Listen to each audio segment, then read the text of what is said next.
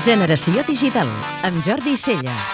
Shigeru Miyamoto ha anunciat que comença la seva retirada. Ho ha fet de forma suau, molt del seu estil, per tal de no causar cap terratrèmol mediàtic a través d'una entrevista a la revista nord-americana Wired. De totes maneres, resulta difícil que les paraules de Miyamoto, manifestant que s'apartarà de la primera línia d'acció dels grans projectes per centrar-se en activitats més petites, passin desapercebudes a ningú. L'actual director general de Nintendo EAD, la divisió creativa del gegant japonès de l'entreteniment digital, és probablement un dels personatges més influents de la cultura mundial de finals del segle XX i principis del XXI.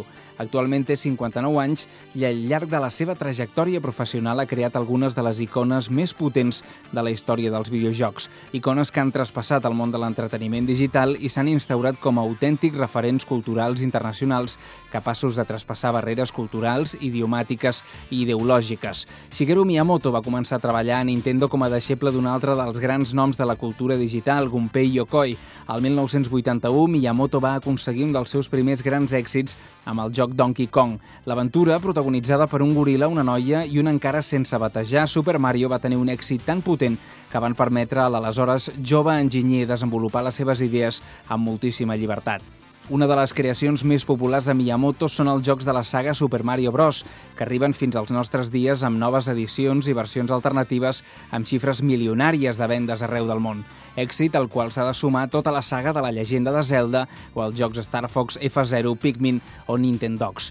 Però l'autèntic valor d'aquest creatiu és la seva visió de l'entreteniment digital, una visió que aconsegueix crear productes familiars per al consum massiu i intensiu per part de tot tipus de públic que sobrepassen qualsevol barrera i, per tant, són el bé més preuat de qualsevol empresa de les indústries culturals.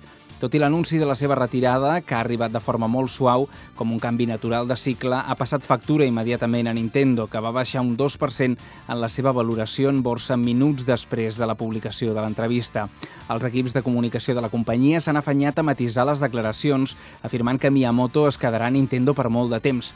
El que està clar és que el futur immediat no té bon aspecte pel que ha estat líder intocable del sector dels videojocs durant anys. La portàtil 3DS ha estat un fracàs econòmic en el seu llançament. Ningú acaba de veure clar què serà la nova consola Wii U i per acabar-ho d'adobar, la seva estrella diu que està cansada i que comença a retirar-se. Que tots els accionistes de Nintendo es cordin bé els cinturons i es preparin per una bona muntanya russa durant les pròximes setmanes. Podeu escoltar Generació Digital cada dissabte de 4 a 6 de la tarda a Catalunya Ràdio.